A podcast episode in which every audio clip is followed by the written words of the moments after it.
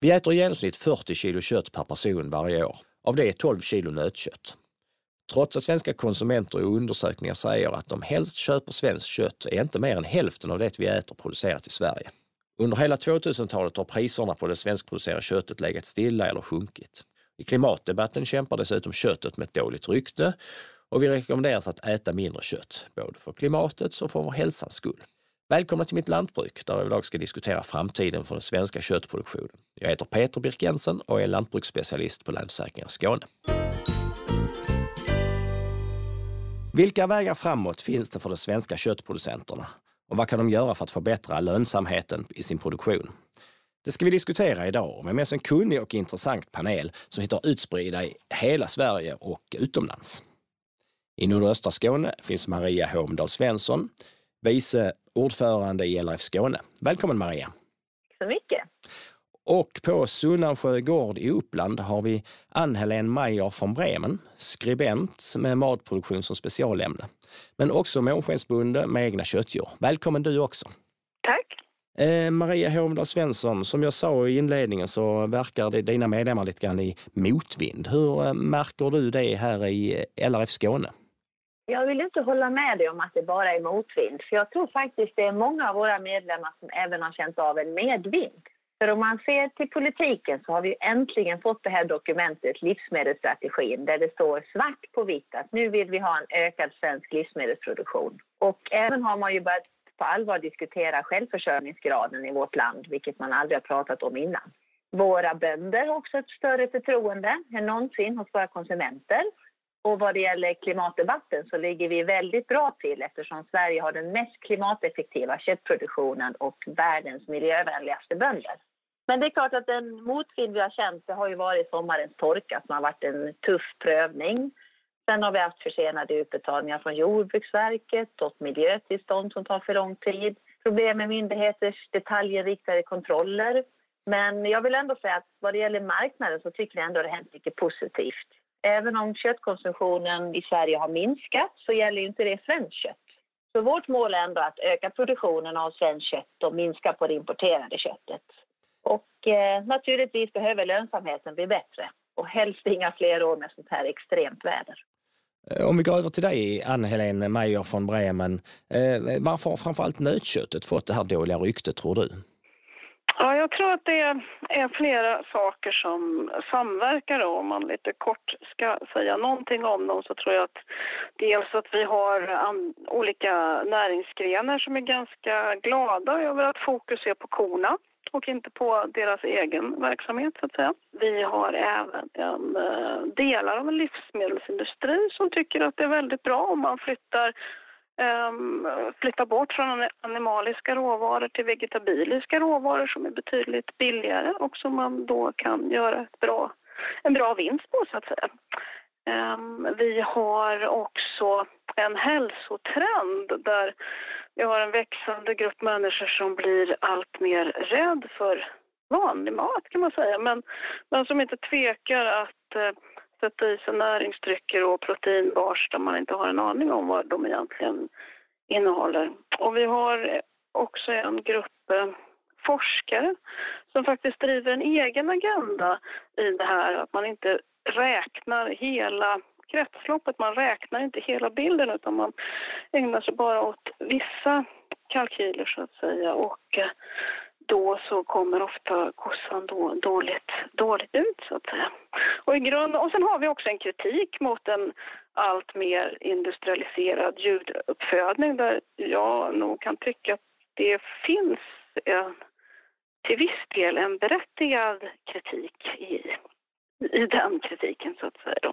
Och i grunden tror jag att allt det här handlar om att vi har fått ett ökat avstånd mellan producenter och konsumenter som både yttrar sig i att man, ja, att det finns en växande grupp konsumenter som inte riktigt begriper och förstår sig på jordbruk och att det också finns en växande grupp producenter som inte riktigt eh, har kontakten med med konsumenterna heller. Men är det någonting specifikt som du vill säga att alltså, som köttgöraren bidrar med positivt som man skulle kunna föra fram i debatten?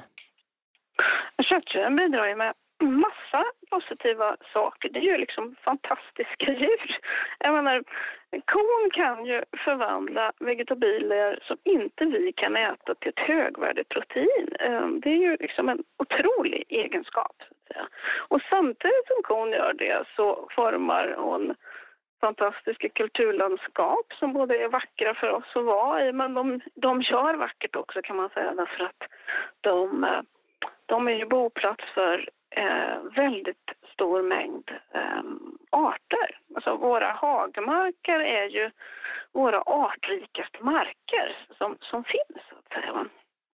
Och om vi låter kossan göra det som hon är gjord för, nämligen beta, beta de här markerna, äta gräs, va? Då, då finns det ju eh, otroligt mycket nyttor i det här. Och då har vi inte ens nämnt eh, eh, kolbindningen i gräsmarkerna så att säga, är ju jätteviktig. Men jag tror att det är viktigt att man låter kossan få göra det hon är gjord för. Så att säga. För står hon inne, instängd i ett stall och bara äter kraftfoder så gör hon inte de här nyttorna Mm, om vi tittar antalet jordbruksföretag med nötkreatur har halverats sedan millenniumskiftet. Men antalet djur har inte minskat samma grad. Alltså vi har fått eh, färre med större enheter som du var lite grann inne på, Ann-Helén. Men eh, är det en utveckling som kommer att fortsätta, tror du Maria Hovendal Svensson? Ja, fast så får vi inte heller glömma att globalt sett så har vi inte så stora enheter i Sverige och Europa. Vi består ju fortfarande mest av familjejordbruk och mikroföretagare. Men det är klart att som i all annan utveckling så får vi bättre teknik, bättre djuromsorg och bättre arbetsmiljö. Och då gör det att vi producerar mer och blir effektivare. Och det är en utveckling som sker nästan i alla företag. Problematiken är ju också att slakterier och mejerier blir större och då blir det inte lönsamt att hämta för små volymer. Så det jag tror är viktigt framöver det är att det behövs andra småskaliga förädlingsföretag som ett komplement till de mindre köttproducenterna. Och det är ju viktigt för konsumenten att skicka signalen att vilken typ av kött vill vi köpa och vilken kontakt vill vi ha med bonden. Eh, och sen får ju politiken upp till att hitta lättare sätt att sorta upp den här typen av mindre förädlingsföretag. Hur ser du på den utvecklingen, Ann-Helén? Jag tycker den är, är jätteallvarlig så att säga, ur, ur, en rad olika perspektiv. Dels det här som vi, vi pratade just om, om kulturlandskapet och den biologiska mångfalden Så att säga. det största hotet mot den biologiska mångfalden det är igenväxning. Ehm, och ehm, allt, när gårdarna blir allt färre då växer marken igen så att säga. Och Eh, nu så pratar man om hur man på något sätt ska försöka bevara då de naturbetesmarker som vi har. Men, men sanningen är ju att vi har ju faktiskt för för få naturbetesmarker. Vi, behöver inte, vi ska inte bevara dem, vi skulle behöva utveckla dem. Vi skulle behöva ha betydligt större ytor än vad vi har idag. Och det gäller även om vi ska ta fasta på kossans eh, förmåga att binda kol i gräsmarkerna. Och då behöver vi ju ha fler gårdar, gårdar över hela landet. Så att säga. Och jag skulle gärna vilja se en utveckling av livsmedels strategin som Maria nämnde där man faktiskt också sa inte bara att produktionen ska öka utan också att antalet gårdar i Sverige ska bli fler. Vi har till exempel idag eh, runt 80 kommuner i Sverige som inte har mjölkkor till exempel. Mjölk och kött hänger ju intimt ihop som vi alla vet. Eh, det är ju katastrof. Det är klart att vi ska ha kor i alla kommuner. Det borde vara en självklarhet. Alltså, eh, som ni säger, då, ja, vår, alltså, vår djurhållning den brukar ju framhållas som argument för att vi ska köpa svenskproducerat kött och våra djur får gå ute på sommarhalvåret och de binder kol. Och vi har restriktiva eh, regler när det gäller antibiotikan till exempel. Transporterna är kortare ehm, och det här är jättebra konkurrensmedel när man ska då, så att säga, få svenska konsumenter att välja svenskproducerat. Men eh, Fungerar det verkligen när det gäller volymerna, Maria? Alltså att eh, de, de väljer svenskproducerat. Eh, det är inte bara eh, steken eller biffen på grillen på fredagskvällen. Det börjar fungera, men det har tagit väldigt, väldigt lång tid och det borde ju ge mer betalt än vad det gjort hittills. Och nu äntligen har ju även de offentliga köken börjat köpa mer svenskt kött. Men problemet är att ska vi kunna konkurrera med importen så måste man ju ha strängare djurskyddsregler i hela Europa. Och dessutom måste man ju ta ett krafttag mot allt matfusk. Det är ju helt orimligt att konkurrera på marknaden om vi har olika förutsättningar inom EU. Vad säger du Ann-Helén, är de svenska konsumenterna mottagliga för de här argumenten med bra djurhållning och restriktiva antibiotikaanvändning? Nej, men visst är de det. Alltså, det ser man ju när konsumenten kan välja, till exempel när den köper sitt kött i butiken så väljer den ju svenskt så att säga. Men man ska ju man ska komma ihåg att konsumenten har inte så mycket makt som man eh, påstår. Det är faktiskt andra spelare här som har betydligt mer makt. Eh, livsmedelsföretag, slakterier, grossister, eh, offentlig inköpare på offentlig sektor och inte minst handeln med ICA i spetsen. Ett sådant exempel var ju under torkan i somras när ICA gick ut i stora reklamannonser och uppmanade konsumenterna att köpa svenskt kött för att stödja de svenska bönderna, vilket ju på ett sätt var jättebra. Men om ICA bara hade tagit det beslutet rakt av i alla sina inköp så hade man ju löst det problemet direkt så att säga. Eh, den centerpartistiska EU-parlamentarikern Fredrik Federley eh, har ju drivit eh, frågan för att eh, få mer restriktiv eh, användning av antibiotika till köttdjur inom alla EU-länder. Jag pratade med honom om just detta tidigare i veckan. Ja, det är Fredrik. Ja, så tjenare. Hej, Peter heter jag. Hallå, hallå. Hej, hej. Hej!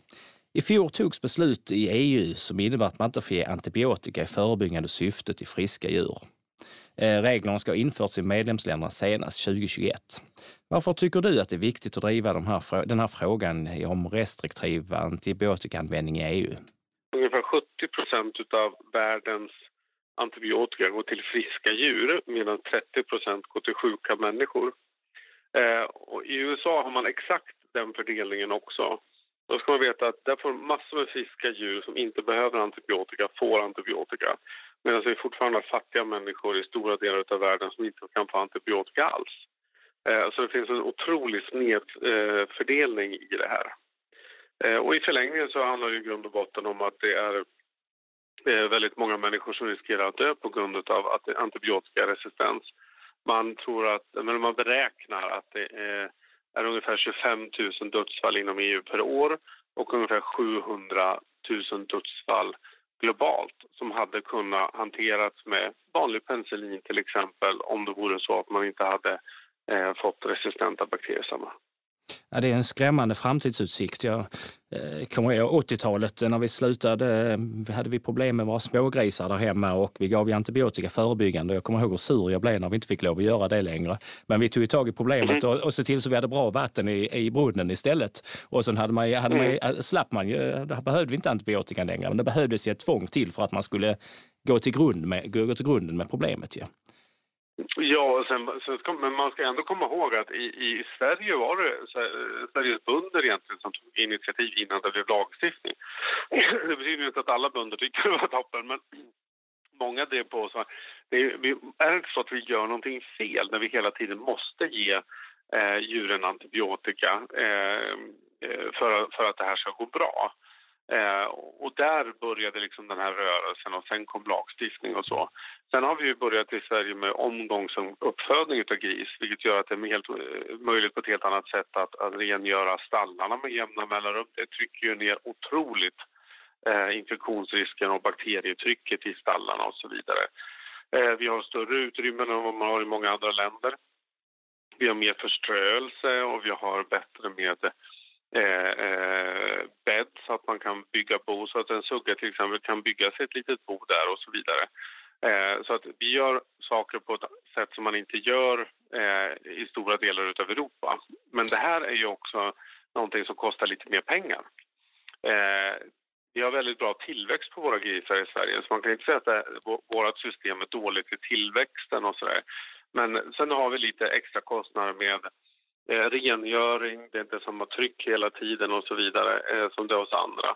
Eh, och då riskerar det till och med att vara så här att de som fulanvänder antibiotika kommer undan billigare och det är ju helt oacceptabelt för då får man ju en osund konkurrens. Ehm, I övrigt om man tittar på de svenska eh, köttproducenterna, de har ju haft en konkurrensfördel. Eh, men nu när övriga EU eh, Eh, kommer att bli lika restriktiva när det gäller till exempel antibiotikaanvändningen. Eh, finns det andra fördelar som eh, den svenska lantbrukaren kan profilera sig med? Ja, men det finns det.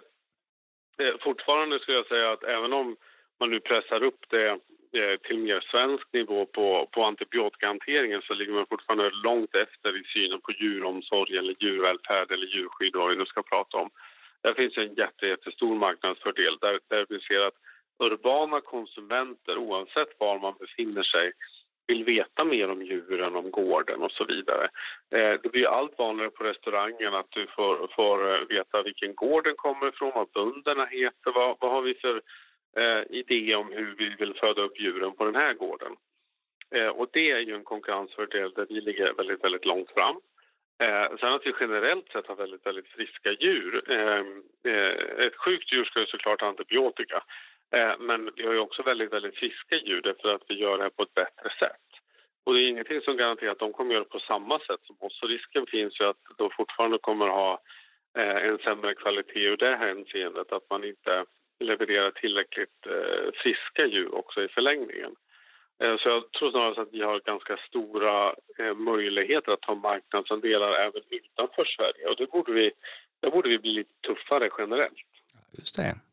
Eh, vilka andra frågor när det gäller djurhållning kan alltså Sverige driva inom EU? Alltså vi är mitt uppe i den här stora köttskandalen när obesiktigade djurkroppar har spridits och även serverats på svenska skolor. Alltså hur, ska mm. man, hur ska ni kunna få stopp på sådana saker? Alltså oseriösa företagare, jag ser det som ett jätteproblem. Det kommer alltid finnas tyvärr en del som är oseriösa och skurkar och banditer. Utan och, och, vad vi då behöver, är, det är som fartsyndare och jag är ju faktiskt en sån, måste jag erkänna. Så man gör hela tiden att för att sådana som jag inte konstant ska köra för fort eh, så ser man till att man har poliser ute, man har civilpoliser eh, och det är fartkameror och det är två, två ett-vägar och allt vad det är för någonting. Eh, eh, och det här har man ju inte tänkt riktigt, riktigt likadant med matkontrollerna. Eh, det mesta registreras, alltså, vilket gör att inom ett par, par tre dagar så har vi koll på exakt vilken skola och vilken restaurang som har serverat det här köttet. Så det funkar ju väldigt bra det här systemet vi har för att registrera det. Det vet ju också när eh, det spreds eh, sjuka ägg från Nederländerna så tog jag, jag tror det tog 48 timmar så hade de kallat hem flera miljoner ägg eh, och så vidare. Så där, spårbarheten fungerar bra. Det som behöver bli bättre är kontrollerna. Eh, och idag har man ett mellanstatligt system för kontroller och det regleras av en lag som heter den generella livsmedelslagen. Den sitter vi och förhandlar just nu. Eh, och eftersom det är mellanstatligt då, så är det då en nationell eh, intressent som då ska för, eh, skicka till Bryssel och säga nu har vi en situation här. Jag tror att det här är typiskt en sån situation eller ett sånt system som bör vara överstatligt, det vill säga att det, behöver bygga på att vi har europeiska kontrollanter som kanske inte tar nationell hänsyn. Därför att det viktigaste här är medborgarnas hälsa och förtroende för matproduktionen. Och ska den kunna vara riktigt intakt, då ska man inte kunna misstänka att vare sig en regional veterinär eller en regional kontrollant eh, kanske känner större sympati med eh, någon som producerar kött på ett sätt som inte är acceptabelt utan att den faktiskt är lojal med medborgarna och då slår till. Fredrik Federley tycker alltså att svenska uppfödare fortfarande har många fördelar som gör dem konkurrenskraftiga, eh, men, för att, men att kontrollerna måste bli bättre. Räcker det, kan man ställa sig frågan. Eh, vad säger du, eh, Ann Helén? Har vi konkurrensfördelar fortfarande? Ja, Fast jag tror att, eh, vad ska jag säga, frågan är felställd. Ja. Ehm, jag tror faktiskt att eh, tanken på konkurrenskraft, att vi ska vara konkurrenskraftiga gentemot våra kollegor i Europa, den leder utvecklingen åt fel håll. Därför att konkurrenskraft är någonting helt annat än livskraft. Konkurrenskraft handlar om att ha låga kostnader väldigt mycket. Och i slutändan så handlar det om om man ska vara med och konkurrera med polskt fulkött till exempel. För det, det är liksom där man hamnar till slut. Och jag tycker inte att man ska det för att jag tycker att den svenska nötköttsproduktionen är betydligt viktigare än så. Och den har betydligt större uppgifter än att eh, konkurrera med, med lågpris. Så ja, jag tycker att tanken med konkurrenskraft faktiskt är fel. Ja, men jag förstår hur du tänker. Vi ska egentligen kanske gå åt andra hållet och försöka mm, nischa den svenska, svenska köttet och svenska produkterna ännu mer istället för att närma oss eh, volymmarknaden. Är det, det så du tänker ja. alltså? Ja. Ja, och jag tror också att man måste faktiskt begränsa konkurrensen. Jag tror inte att det är vettigt att Europas bönder ska hålla på och konkurrera ihjäl varandra. Det, det, är inte, det är inte förnuftigt. Dessutom på nötkött där vi liksom kan i Sverige producera, föda upp nöt, eh, djur och producera ett alldeles utmärkt nötkött. Vi ska liksom inte hålla... Vi, vi måste begränsa konkurrensen där för annars så hamnar vi fel helt enkelt. Eh, Maria, vilka frågor som rör just köttdjursuppfödningen tycker du att Sverige ska driva inom EU? Jag är också inne på det här med djuromsorgen. För jag, jag tror så här att för att vi överhuvudtaget ska kunna hålla uppe köttkonsumtionen och få människor att äta kött så det är oerhört viktigt att hela EU har en god djuromsorg. För annars så slår ju det hårt även hos oss i Sverige. Så just att implementera EUs djurhälsoförordning tycker jag är jätteviktigt. Eh, sen för alla då som vill satsa och bygga nya stallar eh, är det viktigt att till exempel tillståndsprövningar effektiviseras så att ärendehanteringarna inte tar så lång tid som det gör idag. Det skulle vara max tre månader. Och så tror jag ändå den här konkurrenskraften att det borde ju finnas ett implementeringsråd som granskar just när man inför nya lagar att hur påverkar det konkurrenskraften i de olika länderna. Då så, då säger jag tack till mina gäster Maria Hovendal Svensson och Ann-Helén Meyer von Bremen. Tack så jättemycket för att ni var med idag. Tack så mycket. Tills vi hörs igen kan du lyssna på tidigare avsnitt av Mitt Lantbruk. Du hittar dem på webben www.landsforsakringar.se skane mitt lantbruk eller där poddar finns. Jag heter Peter Birkensen. På återhörande.